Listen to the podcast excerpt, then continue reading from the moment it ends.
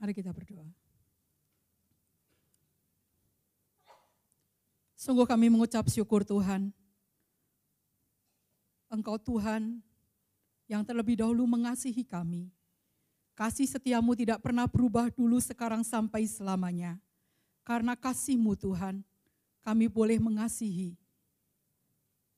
Terima kasih Tuhan, bila kami boleh menjadi hamba-hamba yang setia dan taat.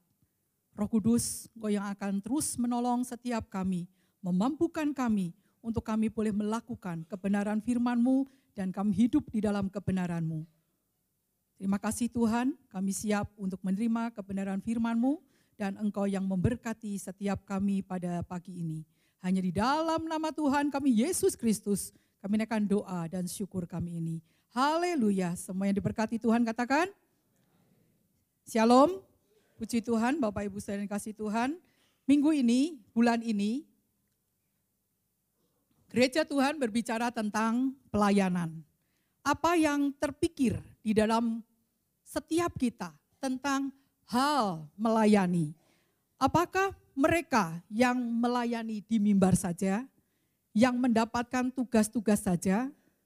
Apa yang terpikir di dalam kehidupan kita ketika kita berbicara tentang yang namanya pelayanan?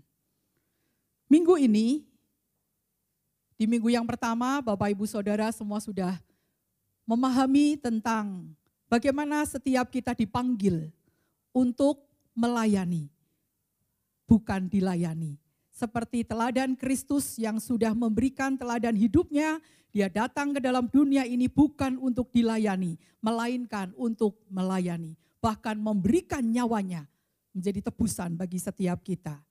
Itulah teladan Tuhan bagi setiap kita dan pada minggu ini melakukannya untuk aku. Tentunya aku di sini melakukannya untuk aku bukan pada orang saja saudara, tetapi melakukannya untuk Tuhan. Mari kita akan lihat di dalam Matius pasal yang ke-25 ayat yang ke-35 sampai 46 nanti saudara bisa membaca secara lengkap perikop ini tetapi kita hanya akan membaca di Matius pasal 25 ayatnya yang ke-35 sampai yang ke-46.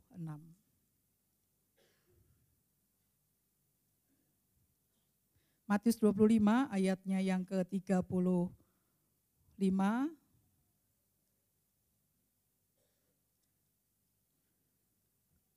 Saya akan baca ayat yang ke-35, nanti Bapak Ibu Saudara ayat yang ke-36 dan seterusnya.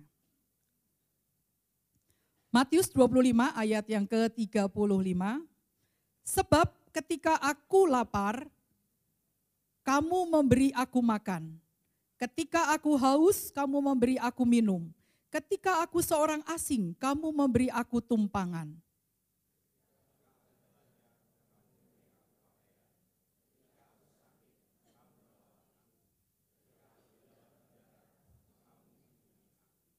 Maka orang-orang benar itu akan menjawab dia katanya, Tuhan, bila manakah kami melihat engkau lapar dan kami memberi engkau makan, atau haus dan kami memberi engkau minum?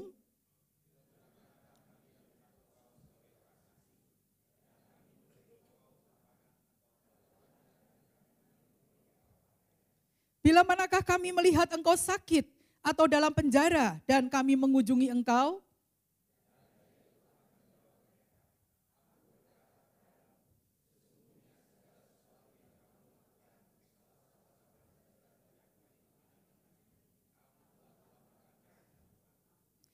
Dan ia akan berkata juga kepada mereka yang di sebelah kirinya, Enyahlah dari hadapanku, hai kamu orang-orang terkutuk, enyahlah ke dalam api yang kekal yang telah sedia untuk iblis dan malaikat-malaikatnya.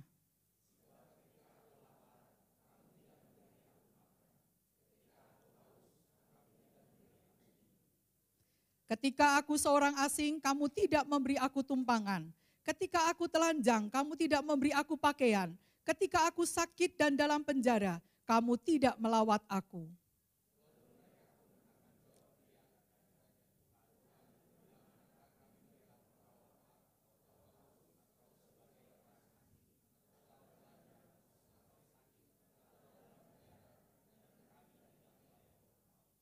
Maka ia akan menjawab mereka, Aku berkata kepadamu, sesungguhnya segala sesuatu yang tidak kamu lakukan untuk salah seorang dari yang paling hina ini, kamu tidak melakukannya juga untuk aku.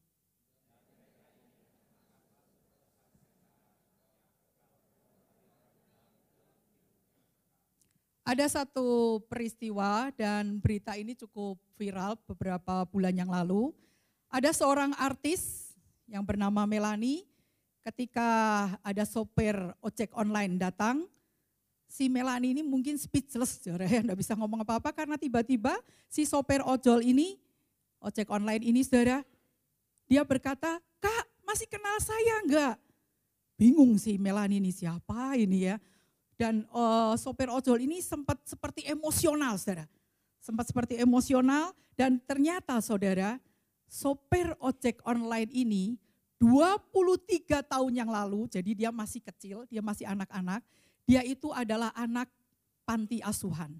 Dia adalah anak yatim piatu yang ada di panti asuhan dan saat itu artis ini yang namanya Melani ini, bukan Bu Mel ini ya, Melani artis saudara ya, dia mengajak anak-anak panti asuhan untuk pergi ke Dufan, dunia fantasi. Dan ternyata si anak kecil ini karena sandalnya sudah tipis, ketika dia sampai di Dufan, tiba-tiba sandalnya lepas, saudara. Putus, bukan lepas, putus, saudara. Dan di situ dia akhirnya karena teman-temannya ngecek-ngecek semua, malah diketawain, saudara. Biasanya begitu anak-anak ya, kalau ada sesuatu nggak ditolongin tapi malah diketawain. Dan akhirnya dia nangis, dia mojok, dia nangis dan akhirnya didekatin oleh Melani ini. Didekatin oleh artis ini dan kemudian kenapa kamu nangis? Sandal saya putus. Kemudian segera dibelikan. Dibelikan sandal baru untuk anak ini dan sampai anak ini di dalam hatinya ketika menerima kebaikan dari artis ini saudara, dia punya satu tekad. Satu saat nanti aku juga mau jadi orang baik. Aku mau jadi orang baik seperti kakak ini. Dan 23 tahun berselang ketemulah mereka.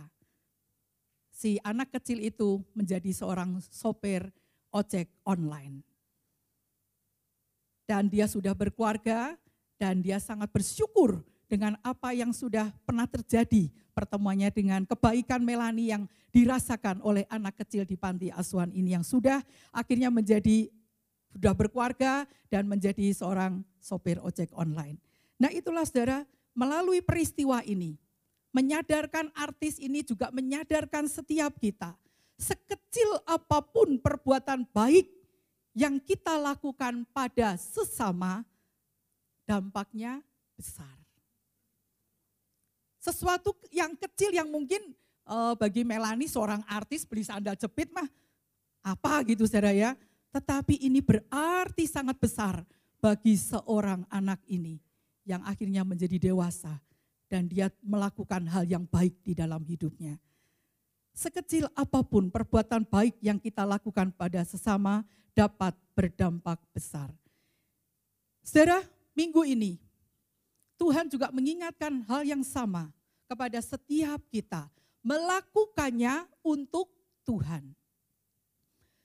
Hal tentang berbuat baik ini saudara dimasukkan ke dalam konteks kalau saudara lihat di ayat yang 31 di situ ada judul perikop ini adalah penghakiman yang terakhir. Ya, penghakiman yang terakhir hal kebaikan dikaitkan dengan penghakiman yang terakhir. Dikatakan apabila anak manusia datang dalam kemuliaannya dan semua malaikat bersama-sama dengan dia, maka ia akan bersemayam di atas tahta kemuliaannya. Lalu semua bangsa akan dikumpulkan di hadapannya dan ia akan memisahkan mereka seorang daripada seorang sama seperti gembala memisahkan domba dari kambing. Tuhan akan memisahkan yang domba mana, yang kambing mana. Seperti seorang gembala yang memisahkan domba dan kambing. Di sini tentunya perikop ini berbicara kepada setiap orang-orang yang percaya. Orang-orang yang sudah percaya kepada Kristus, orang-orang yang sudah menerima anugerah keselamatan, ketika kita sudah menerima anugerah keselamatan di dalam Tuhan Yesus, apa tindakan kita? Apa yang kita lakukan selama kita ada di dalam dunia ini? Sudahkah kita melakukan apa yang benar di hadapan Tuhan? Melakukan hal yang benar kepada orang-orang di sekeliling kita, nggak usah jauh-jauh saudara, orang-orang yang terdekat kita. Domba ditaruh di sebelah kanan. Ya Tuhan mau untuk ya, Tuhan mau untuk orang-orang yang sudah menerima anugerah keselamatan untuk melakukan yang benar, untuk melakukan perbuatan yang baik di dalam hidupnya. Sekali lagi, perbuatan baik bukan menyelamatkan, tetapi tanggung jawab setiap orang yang percaya kepada Kristus sebagai rasa syukurnya, saudara. Tentunya dia akan melakukan hal yang baik di dalam hidupnya.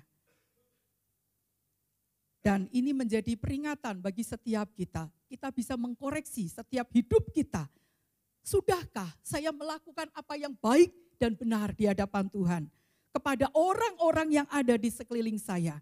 Karena satu saat nanti ini akan terjadi di mana Tuhan akan memisahkan domba dengan kambing. Apa yang dilakukan domba seperti tadi yang saudara sudah saudara baca yaitu ketika raja itu berkata kepada mereka yang di sebelah kanannya, Mari, hai kamu yang diberkati oleh Bapakku, terimalah kerajaan yang telah disediakan bagimu sejak dunia dijadikan. Siapa mereka? Yaitu sebab ketika aku lapar, kamu memberi aku makan. Ketika aku haus, kamu memberi aku minum. Ketika aku seorang asing, kamu memberi aku tumpangan. Ketika aku telanjang, kamu memberi aku pakaian. Ketika aku sakit, kamu melawat aku ketika aku dalam penjara, kamu mengunjungi aku. Maka orang-orang benar itu akan menjawab dia katanya, Tuhan, bila manakah kami melihat engkau lapar dan kami memberi engkau makan atau haus, memberi engkau minum. Bila manakah kami melihat engkau sebagai orang asing dan kami memberi engkau tumpangan atau telanjang dan kami memberi engkau pakaian. Bila manakah kami melihat engkau sakit atau dalam penjara dan kami mengunjungi engkau dan raja itu akan menjawab mereka, aku berkata kepadamu, sesungguhnya apa saudara? Segala sesuatu yang kamu lakukan untuk salah seorang dari saudaraku yang paling hina ini, kamu telah melakukannya untuk aku. Yaitu siapa yang dimaksud dengan domba ini saudara? Yang ditaruh di sebelah kanan. Yaitu mereka yang melakukan perbuatan baik ketika mereka melakukan hal yang baik, mereka tuh tidak sadar bahwa itu dinilai oleh Tuhan. Jadi orang-orang yang melakukan kebaikan tanpa ingin dihargai. Orang yang melakukan kebaikan tanpa meminta pujian dari siapa pun. Tapi Tuhan melihat apa yang dilakukannya. Sebagai sesuatu yang habit dia untuk melakukan hal yang baik. Melakukan kebaikan bukan untuk dipuji atau untuk mendapatkan keuntungan. Saya mau berbuat baik sama Roni ah, supaya satu saat nanti Bapak Roni akan baik sama saya tidak. Tetapi dengan tulus saya akan berbuat baik. Tanpa meminta keuntungan apa pun atau pujian dari orang-orang. Semua, tetapi semua mereka yang lakukan untuk orang-orang yang lemah dan hina, orang benar akan masuk ke dalam hidup yang kekal. Itulah yang akan terjadi saudara. Sementara di sampingnya di sebelah kiri yaitu kambing, dimasukkan ke dalam kambing itu siapa? Yaitu mereka, orang-orang yang lalai saudara. Mereka sudah menerima anugerah keselamatan tapi lupa untuk melakukan apa yang baik dan benar di hadapan Tuhan. Mereka tidak sadar ketika ada saudara-saudara yang membutuhkan di sekelilingnya. Dia tidak peduli dia tidak mau tahu, yang penting aku sudah selamat sudah. Hidupnya hanya berfokus kepada dirinya sendiri. Menjelang akhir zaman ini, kasih kebanyakan orang menjadi apa saudara? Pudar. Apalagi kalau kita lihat zaman gadget sekarang ini saudara, teknologi yang begitu maju, semua orang sudah begini. Suami istri saja bisa sama-sama begini saudara. Semua pegang handphonenya masing-masing. Sudah tidak peduli lagi yang seharusnya seorang istri Mungkin ketika waktunya suami makan, dia sibuk dengan handphonenya, saudara. Harusnya sebagai istri kan melayani suami. Apa yang perlu disiapkan untuk makan malamnya, untuk sarapannya, untuk lain-lainnya, begitu saudara. Tapi semuanya sudah sibuk. Saudara, mereka adalah orang-orang yang lalai, tidak sadar. Mereka tidak mau berbuat baik, mereka sombong. Tidak mau bergaul dengan orang-orang yang hina. Dan orang-orang yang seperti ini firman Tuhan katakan, mereka akan masuk ke dalam tempat siksaan yang kekal. Jadi saudara, hari ini, minggu ini, firman Tuhan cukup keras tidak cukup lagi ya, keras juga bagi setiap kita. Mengingatkan bagi setiap kita. Lalu bagaimana dengan apa yang bisa kita lakukan? Wujud pelayanan kita itu nyata, bukan di awang-awang saudara. Pelayanan kita itu nyata, bukan sekedar tugas di mimbar. Tetapi dalam kehidupan kita saudara, wujud pelayanan kita itu nyata. Bukan kepada orang-orang yang jauh di sana saudara. Tetapi kepada orang-orang yang ada di dekat kita. Yang sering kali membuat kita kadang merasa, ih kesel banget ini orang, ngeselin banget ini orang. Tetapi Tuhan mau untuk kita mengasihi mereka. Orang-orang yang ada di sekitar kita, mereka yang hina, mereka yang lemah, mereka yang sakit, mereka yang hidup di dalam kekurangan. Kita mau peduli dengan mereka. Bapak Ibu saudara yang dikasih Tuhan, kita dapat melakukan kebaikan kepada orang-orang yang dekat dengan kita. Kita dapat melakukannya untuk Tuhan. Kita akan melihat satu klip yang mungkin uh, ada yang sudah pernah melihatnya, tapi kita akan melihat kembali. Silakan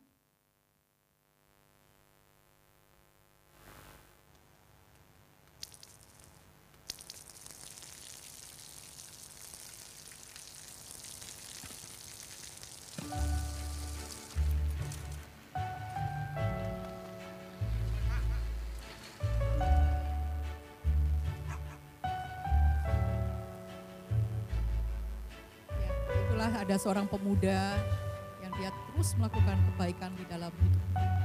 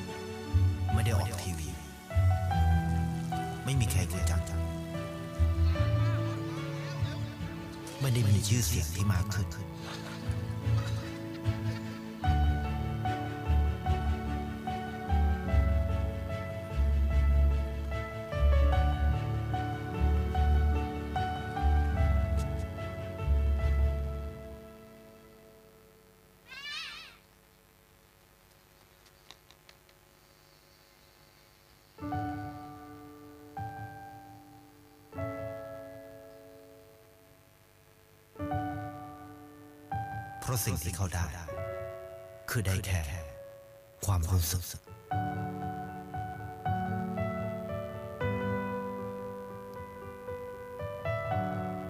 ได้เห็นความสุข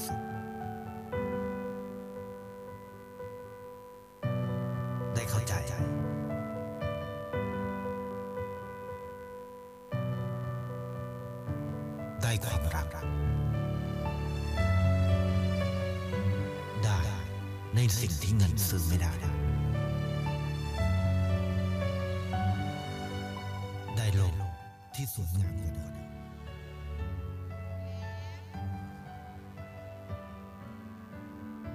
ในชีวิตคุณ อะไรคือสิ่งที่คุณต้องการมากที่สุด Ya, saudara, banyak hal yang bisa kita lakukan di dalam hidup kita. Hal-hal yang baik yang membuat kebahagiaan bagi yang lainnya. Itulah saudara yang Tuhan mau bagi setiap kita sebagai orang-orang yang percaya kepada Yesus Kristus yang sudah menerima anugerah keselamatan. Apa tindakan kita? Bagaimana dengan hidup kita? Tuhan mau untuk kita melakukan hal yang baik.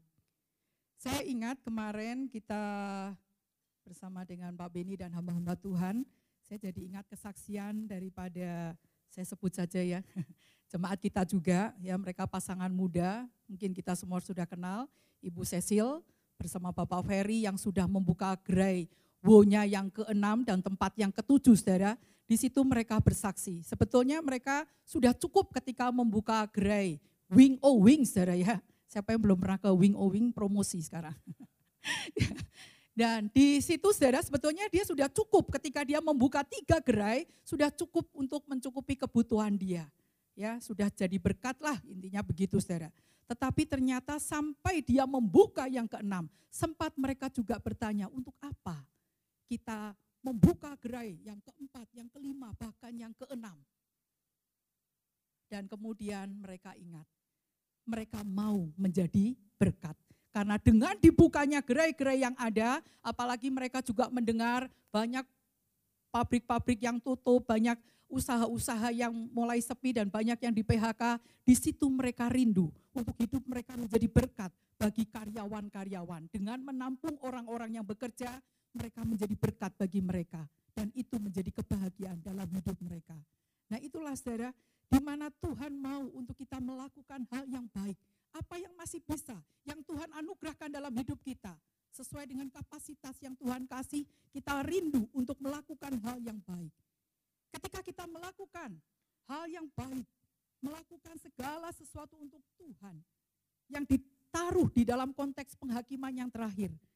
Bagaimana kita melakukannya? Yaitu tentunya kasih yang mendasari kita. Di dalam kita melakukan segala sesuatu, itu harus dasarnya adalah kasih.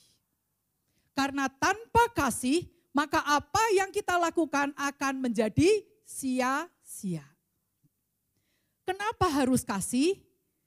Tiga hal penting di dalam kehidupan orang percaya selain iman, pengharapan itu adalah kasih. Dan yang terbesar itu adalah kasih.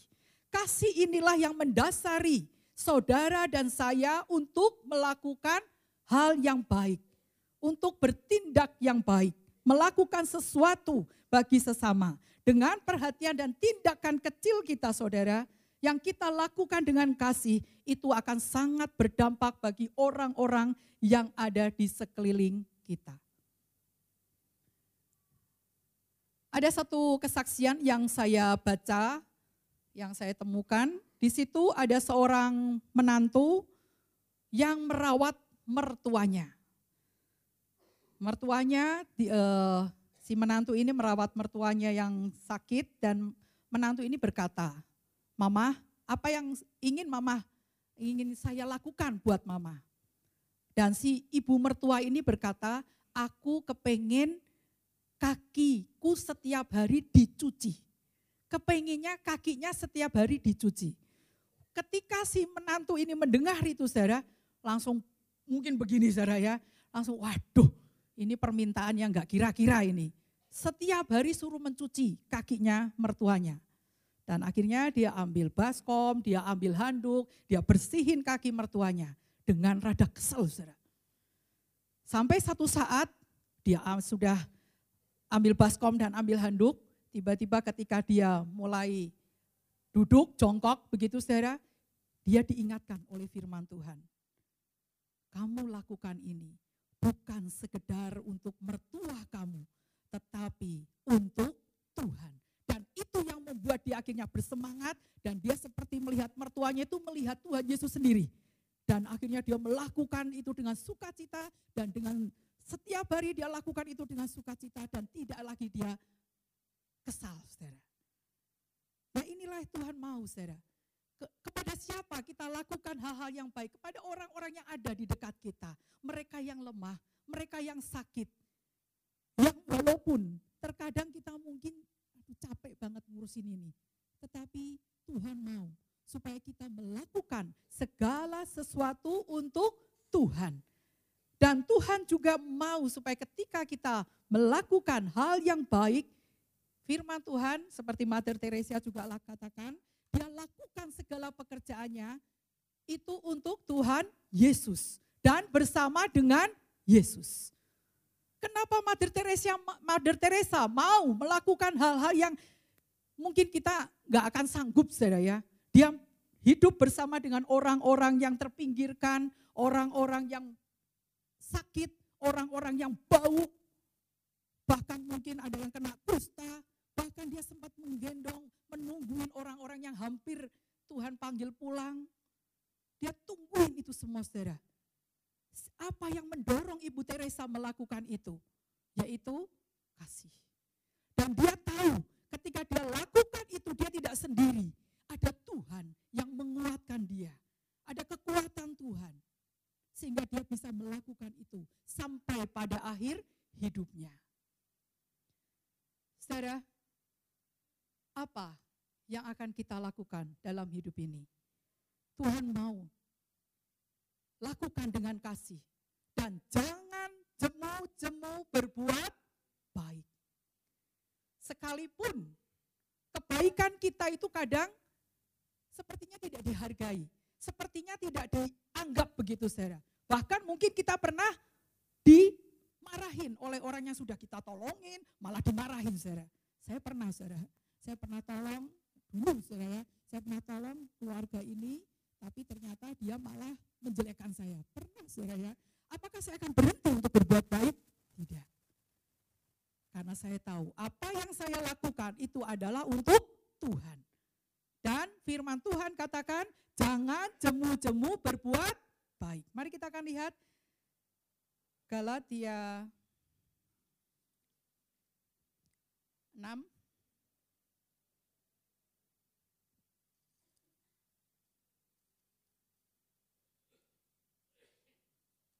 Galatia 6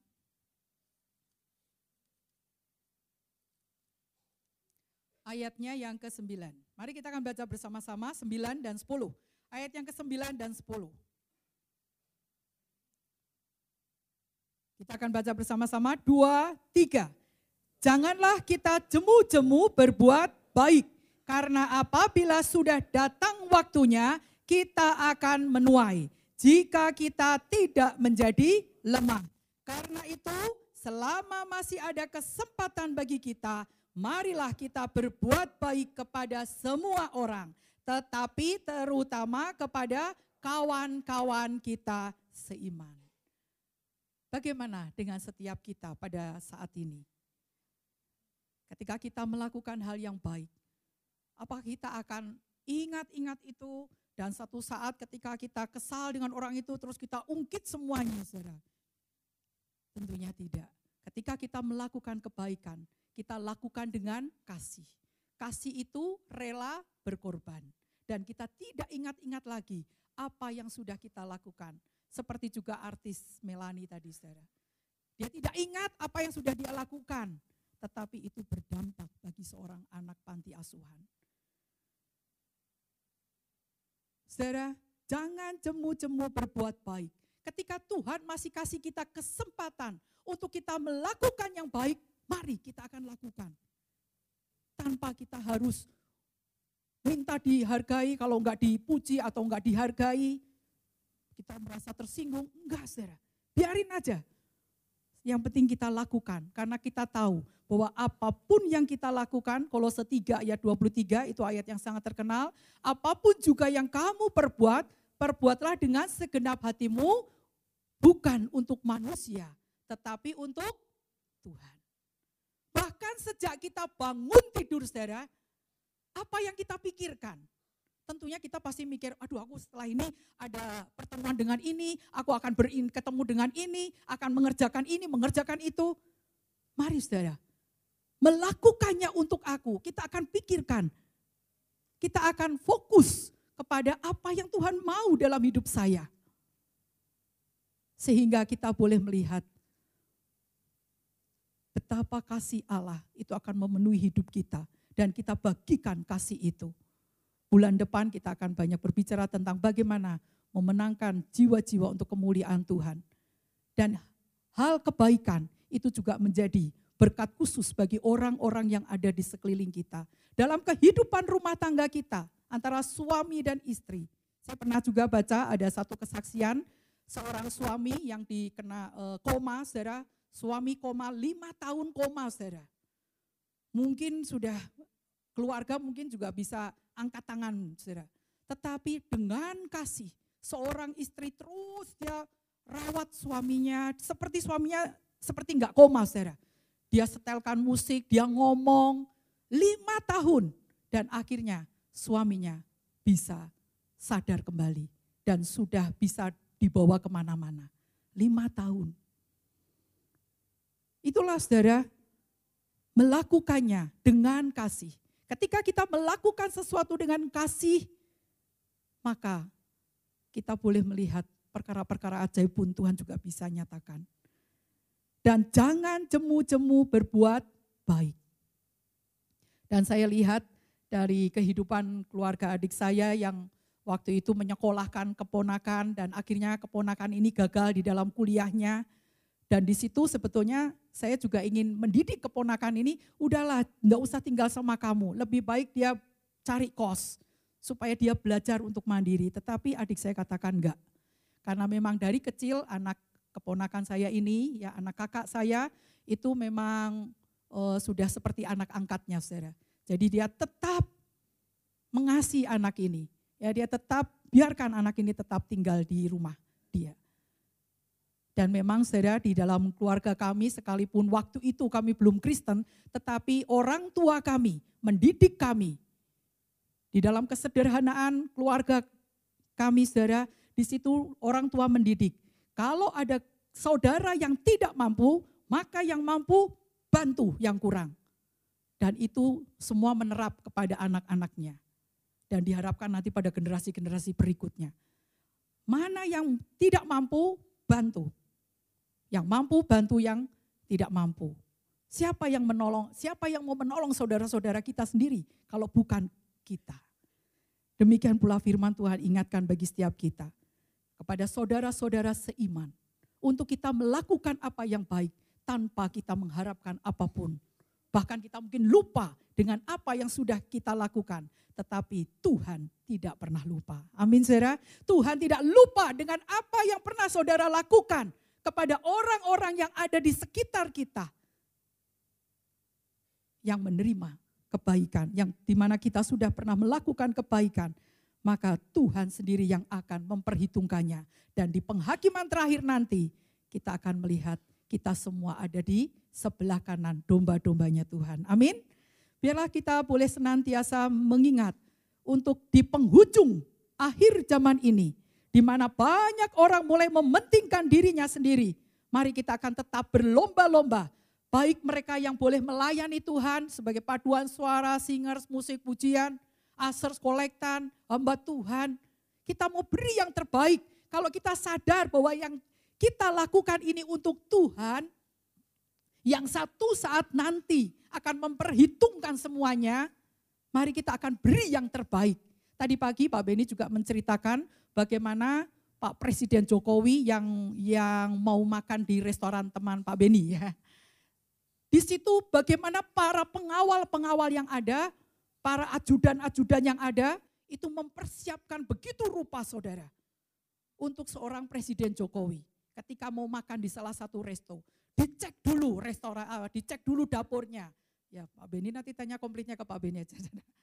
ya sampai dicek uh, dapurnya, ditongkrongin, dicicipi apa yang akan dimakan uh, dan diminumnya. Kemudian masih ada geladi bersih, geladi bersih ya Beni ya sampai masih dilakukan geladi bersih, nanti kira-kira Pak Jokowi akan duduk di mana, kemudian para sniper yang terpaksa minta izin ke tetangga-tetangga sebelah untuk naik ke toren, ya siap-siap dengan snipernya gitu saudara, untuk menjaga Presiden Jokowi. Kemudian masih banyak lagi pengawalan-pengawalan yang begitu ketat kepada seorang Presiden Jokowi. Mereka memberikan yang terbaik, bahkan ada satu pasukan berani matinya itu saudara kalau ada apa-apa mereka siap berani mati untuk Presiden Jokowi, itu mereka sampai nggak makan, nggak apa, mereka lesehan di satu tempat. Begitu Pak Beni?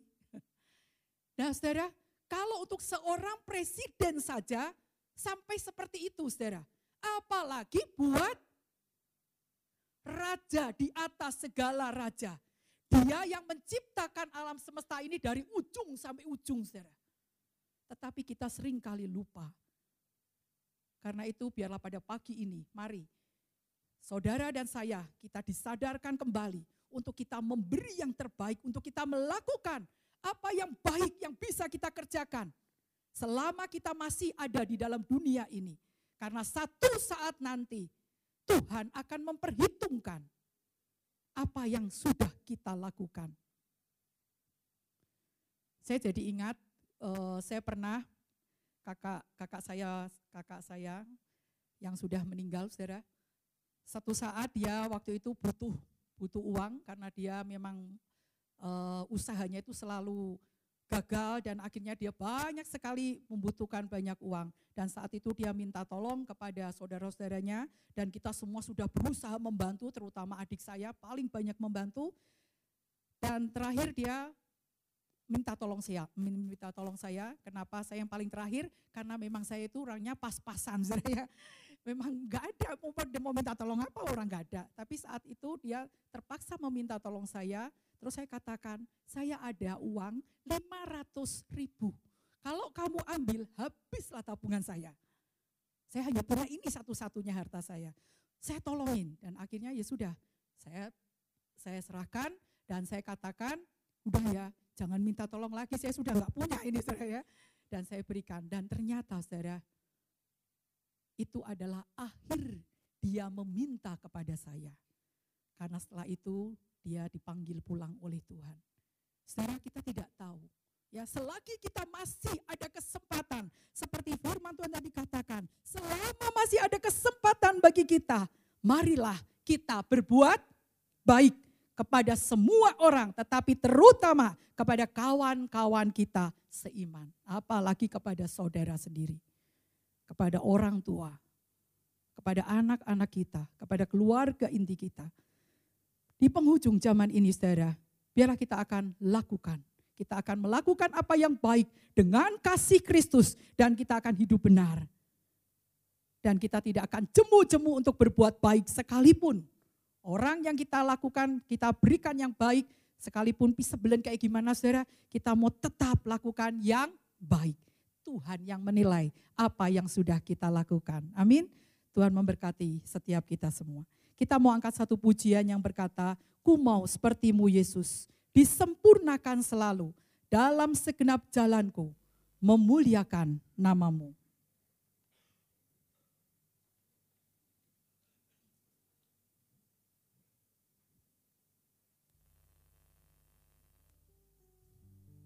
Para singers bisa menaikkan pujian ini.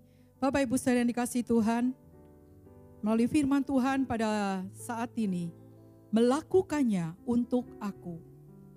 Apa yang sudah kita kerjakan, apa yang sudah kita lakukan bagi orang-orang terdekat kita. Mungkin hari-hari ini saudara lelah dengan banyak persoalan yang ada. Rasanya nggak bisa lagi berbuat baik. Tetapi firman Tuhan mengingatkan kepada setiap kita. Untuk kita tetap lakukan itu dengan kasih dan jangan jemu-jemu untuk berbuat baik. Haleluya.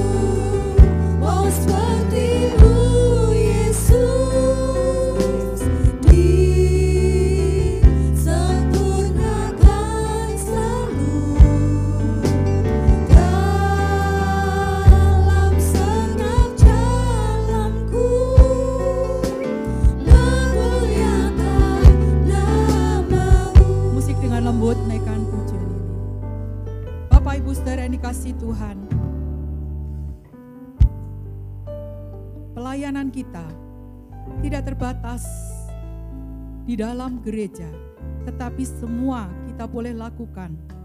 Di mana pun kita ada, kita boleh melakukan yang baik dengan sikap hati yang benar untuk Tuhan. Dengan kasih yang Tuhan berikan bagi setiap kita. Kalau kita bisa mengasihi Tuhan, itu karena Dia yang terlebih dahulu mengasihi saudara dan saya. Karena kasihnya saudara, Tuhan mau untuk setiap kita lakukan segala sesuatu dengan kasih. Dan biarlah kita tidak jemu-jemu untuk berbuat baik.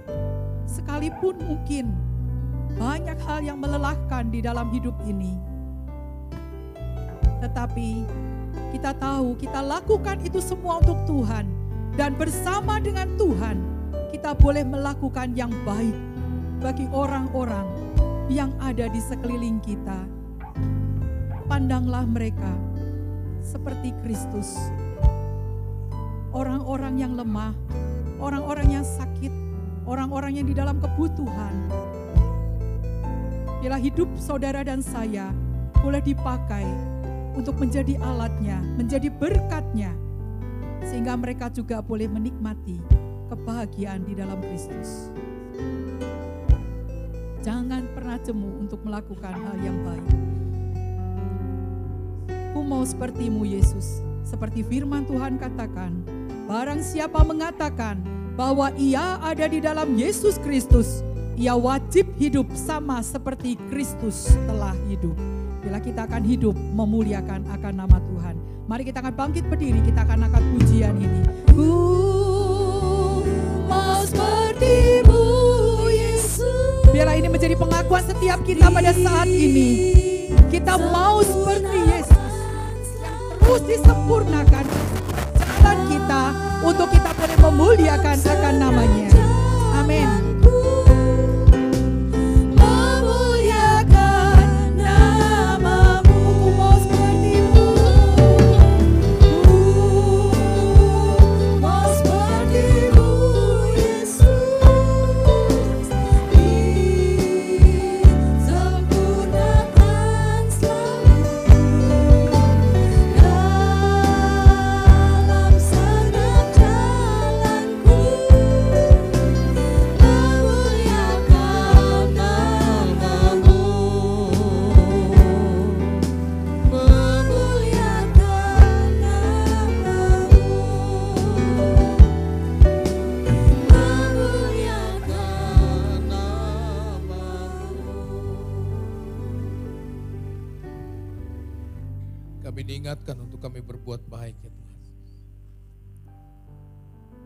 Untuk kami boleh peka melihat orang-orang di sekitar kami.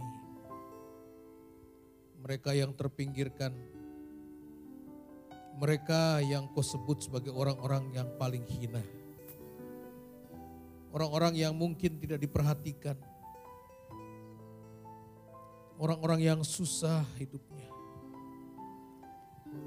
Kami belajar pagi ini Tuhan untuk peka melihat mereka. Berbuat baik tanpa mengharapkan balasan. Melakukannya dengan tulus, dengan dasar kasih. Agar kami boleh menjadi pribadi-pribadi yang menyenangkan hati Tuhan. Firman-Mu mengajar kepada kami pagi ini. Namun Tuhan, Jangan biarkan kami sebagai orang-orang yang mendengar firman, menangkap dan menyimpan saja di dalam hati. Tetapi beri kami kekuatan agar kami melakukan firman itu dalam hidup kami sehari-hari. Satu tindakan praktis yang boleh kami pelajari hari ini Tuhan. Bagaimana kami mengulurkan tangan kepada mereka yang membutuhkan. Terutama saudara-saudara kami seiman mereka yang sedang dalam penderitaan, kesusahan, membutuhkan pertolongan. Ajar kepada kami Tuhan. Untuk kami rela menolong mereka. Rela berbuat baik. Dan kami disadarkan pagi ini. Ketika kami melakukan itu, maka kami melakukannya untuk Tuhan. Ajar kami Tuhan sekali lagi beri kami kemampuan dan kekuatan. untuk mempraktekkan firman. Terima kasih untuk hambamu yang sudah menyampaikan firman pagi ini. Bila Tuhan melalui kehidupannya banyak orang boleh mengalami pertolongan. Dan bila Tuhan melalui kapasitas pelayanannya banyak orang boleh bertumbuh. Terima kasih Bapa di surga, terpujilah Engkau. Demi Kristus Yesus Tuhan kami berdoa dan kami memohon. Haleluya. Amin. Silakan duduk kembali.